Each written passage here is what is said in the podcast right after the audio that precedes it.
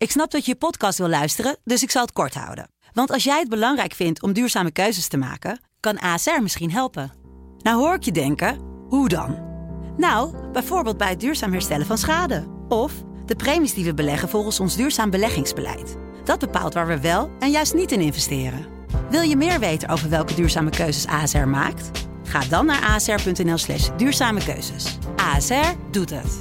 Zo, dan kan je nu lekker naar je podcast luisteren.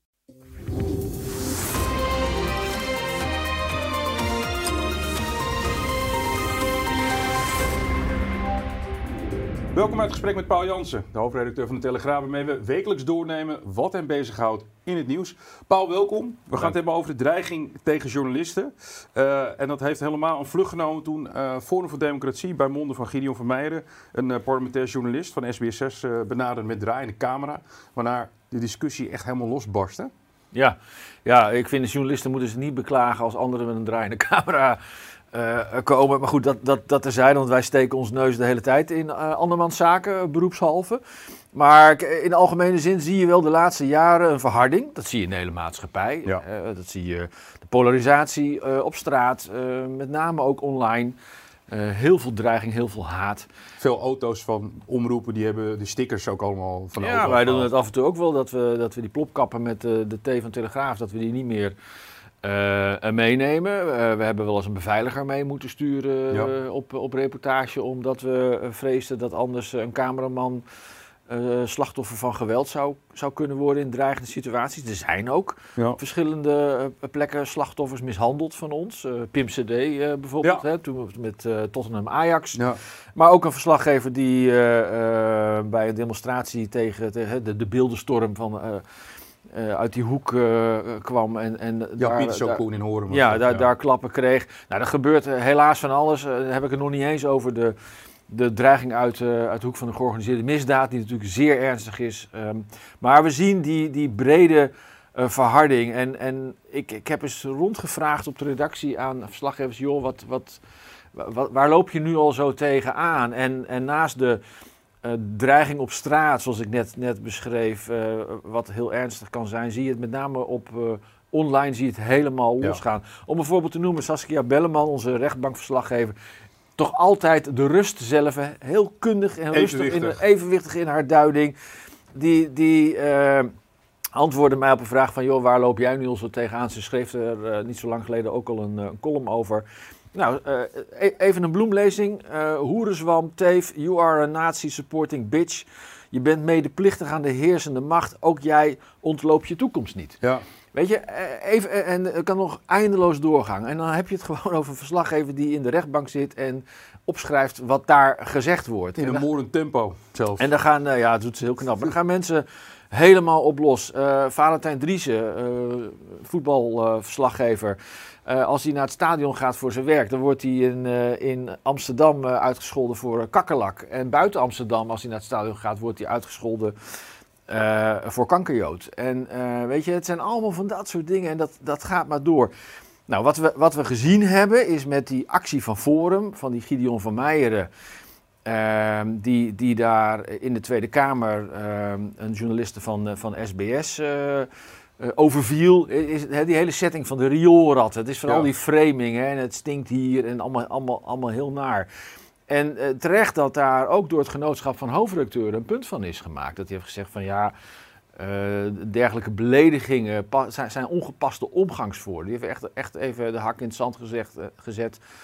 en namens alle hoofdredacteuren van, gezegd van ja, tot hier en niet verder. En ik denk dat het belangrijk is. Maar Um, wat zien wij ook op sociale media? In toenemende mate, dat zijn journalisten die andere journalisten de maat nemen. Ja.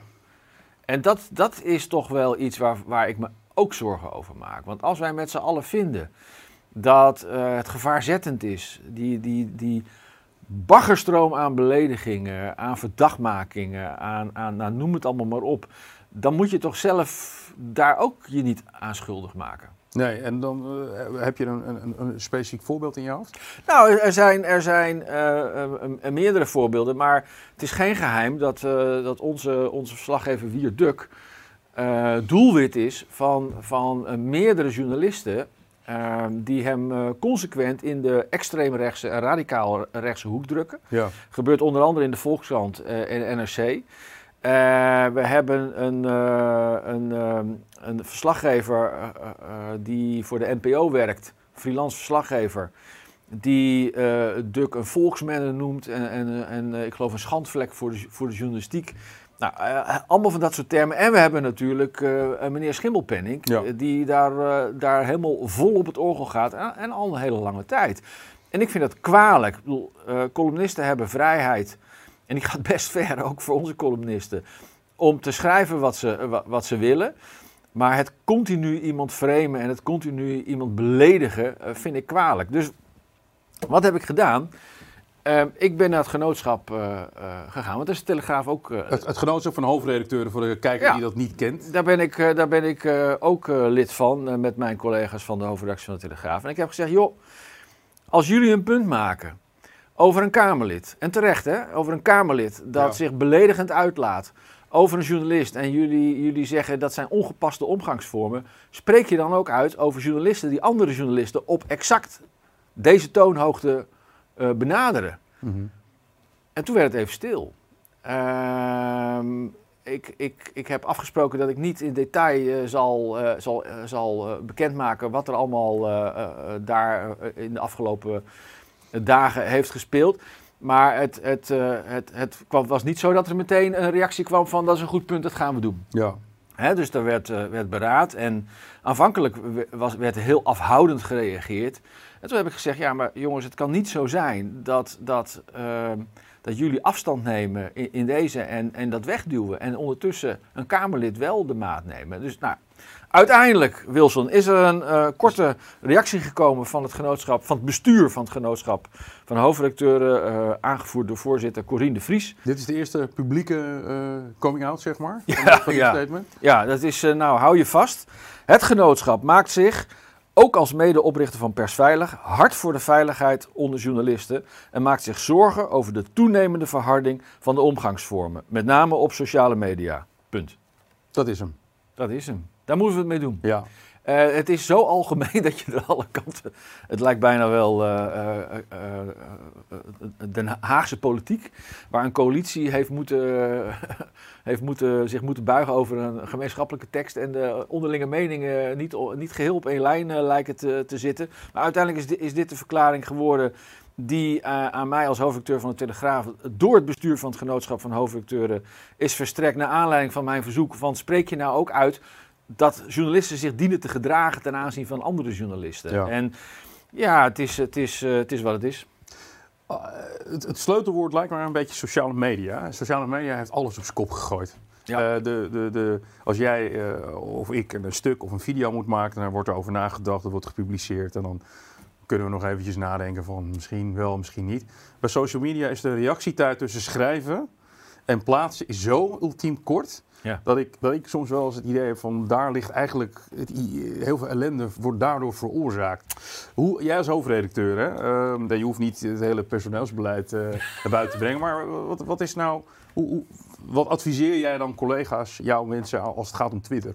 Nou, ik adviseer mensen niet alleen, maar we hebben gewoon een Twitter-protocol, de, de do's en don'ts. Dus uh, als jij voor de Telegraaf werkt, dan kan je niet zomaar uh, alles uh, sociale media inslingeren of opslingeren. Dus daar, daar, daar, daar dien je te gedragen. Ja. En, en dat is niet zo dat wij elke, elke tweet of elke post op Facebook ho hoeven te zien. Maar er, er zijn wel spelregels. en dat is ook belangrijk, omdat je um, als, als journalist van de Telegraaf, maar dat geldt ook voor journalisten van andere titels. Uh, natuurlijk, uh, zeker op sociale media, ook geassocieerd wordt direct als, als, als iemand van dat medium. Ja. En dat komt met een verantwoordelijkheid. En, maar iets anders wat mij, wat mij heel erg opvalt op die sociale media, is, dus een paar, we hadden een aantal jaar geleden, hadden wij, dat weet je nog wel, hadden we natuurlijk die comments onder berichten. Dus Ja. je kon heel veel reageren op berichten. En dat was interessant. Uh, uit onderzoek bleek trouwens dat maar een, een paar procent van de lezers daaraan meedeed. Maar het gros van de, lezers, van, de, van de lezers vond het wel interessant een beetje passief te kijken Ja. wat er dan allemaal geroepen werd. Maar die comments, daar zijn heel veel uh, kranten en ook de Telegraaf op een gegeven moment mee gestopt. Het is nu alweer uh, beperkte mate teruggekeerd.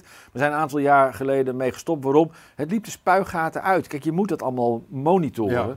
En dat was op een gegeven moment niet meer te doen. En er werd zoveel bagger uitgestort dat we, dat we hebben gezegd, we stoppen ermee. Later hebben we gezegd, je, je kan nog wel reageren, maar dan moet je ingelogd zijn. Dan ben je namelijk niet meer anoniem. Dan kunnen wij zien wie je bent. En je zou denken, dat geldt ook voor natuurlijk heel veel sociale media. Je zou denken dat mensen, als ze, als, als ze, als ze niet meer anoniem hun uh, vel kunnen spuien, dat ze zich dan een beetje gedragen. Ja. Nou, vergeet het maar. Mensen gaan helemaal los. Ook op Twitter, ook op uh, andere, andere sociale media. En uh, waarschijnlijk tikken ze sneller dan dat ze kunnen nadenken. En ja, dat is soms vermakelijk. Daar, kunnen we eerlijk over zijn. Maar het is uiteindelijk schadelijk. En het draagt allemaal allemaal bij aan die enorme uh, verhuftering van de maatschappij, waar we tegelijkertijd met z'n allen zo'n hekel aan zeggen te hebben. Dus ja, dit is wel uh, nog een dingetje. Als we een beetje afrondend, hè, als we kijken naar. we, hadden, we hadden eerst een beetje, toen kregen we social media. Toen kregen we ook nog um, um, die coronapandemie. Die coronapandemie lijkt wel een soort van versnelling te zijn geweest. Dat de achterdocht richting ons uh, als journalistiek veel groter is geworden. Ik krijg ook heel vaak te horen dat ik in dienst ben van uh, of het Bill Gates of het World Economic Forum. Ja. Ik zou zeggen, check mijn loonstrookje, kijk of ik meerdere loonstrookjes binnenkrijg.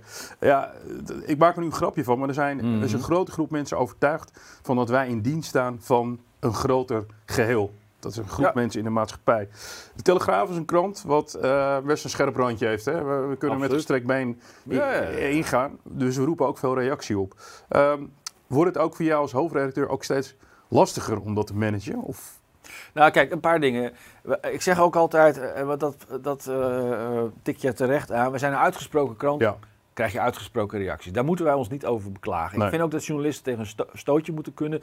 Juist omdat wij ons beroepshalve de hele tijd in andermans zaken steken. Ja. En, en dat, dat kan heel confronterend zijn voor mensen. Dat kan, dat kan gewoon niet fijn zijn. Dus daar moet, je, daar moet je niet te ingewikkeld over doen. Maar op het moment dat uh, de, de, de sfeer zo ernstig wordt, dat uh, journalisten bedreigd worden, dat wij uh, allerlei veiligheidsmaatregelen moeten gaan treffen, ook bij, bij journalisten thuis.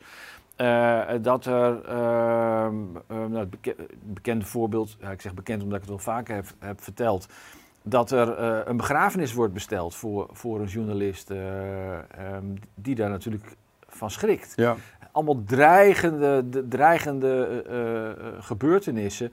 Ja, dan moet je op een gegeven moment wel gaan, gaan kijken. Um, en het, al het, het, het, straatgeweld waar we mee geconfronteerd worden. En, en de, natuurlijk de online dreiging. Dan moet je op een gegeven moment gaan kijken. Oké, hoe kunnen we dit nou een beetje kanaliseren? En ik denk dat het, dat het gewoon belangrijk is dat wij ons A bewust zijn van uh, de, de kracht van het medium uh, dat, we, dat, we, dat we hebben. En tegelijkertijd, ja, het, het, is zo dat wij als Telegraaf willen graag uh, onze onderlinge verschillen uitmeten met de NRC en de Volkskrant, weet je wel. Ja. die, die zelfbenoemde kwaliteitskranten. En zij vinden ons dan weer iets anders. En nou, noem het allemaal maar op. En dat is allemaal prima. Maar voor inderdaad, voor een deel van de samenleving zijn wij allemaal mainstream media. En worden wij niet gezien als controleur van de macht, uh, maar zijn wij verlengstuk van die macht. En die veranderende perceptie, daar, daar moet je je wel van bewust zijn. Betekent dat nou in, in de kern dat je je heel anders moet gedragen? Dat je bijvoorbeeld uh, je, je, je nog uh, of alleen maar agressief moet opstellen, in, in, verbaal agressief richting politici? Nee, dat denk ik niet. Ik denk dat je gewoon je werk moet blijven doen. Maar je moet je wel bewust zijn van, van die veranderende tijden, van die veranderende perceptie bij een deel van de samenleving. Maar ik vrees dat er is dat een groep mensen uh, in Nederland inmiddels in een parallele werkelijkheid leeft.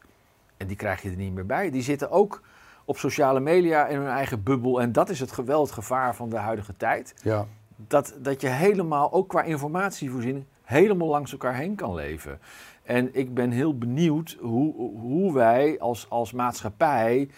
En ik vind namelijk niet dat, dat bijvoorbeeld de Europese Unie daar een sturende rol in moet gaan spelen. Maar hoe wij als maatschappij uh, vorm kunnen geven aan een structuur waarbij die parallele werkelijkheid een beetje wordt doorbroken en mensen weer wat nader tot elkaar komen. En daarbinnen, want ik bedoel, ik ben geen, geen geen hoofdredacteur van een uh, halfzachte krant. Daarbinnen moeten we gewoon wel dingen kunnen aankaarten en stevig benoemen. Ja. Maar het, het, de, de manier waarop het debat nu wordt gevoerd, ja, vind ik gewoon af en toe wel te ver gaan en, en zorgwekkend. En daarom denk ik dat journalisten vooral eens in de spiegel moeten kijken. En als zij een bloedhekel hebben aan een collega of van alles vinden, dat ze misschien juist dan even tot tien moeten tellen. Voordat ze een column in de Volkskrant schrijven, uh, bij uh, Vandaag in Site gaan zitten of op sociale media losgaan. Dankjewel. Graag gedaan.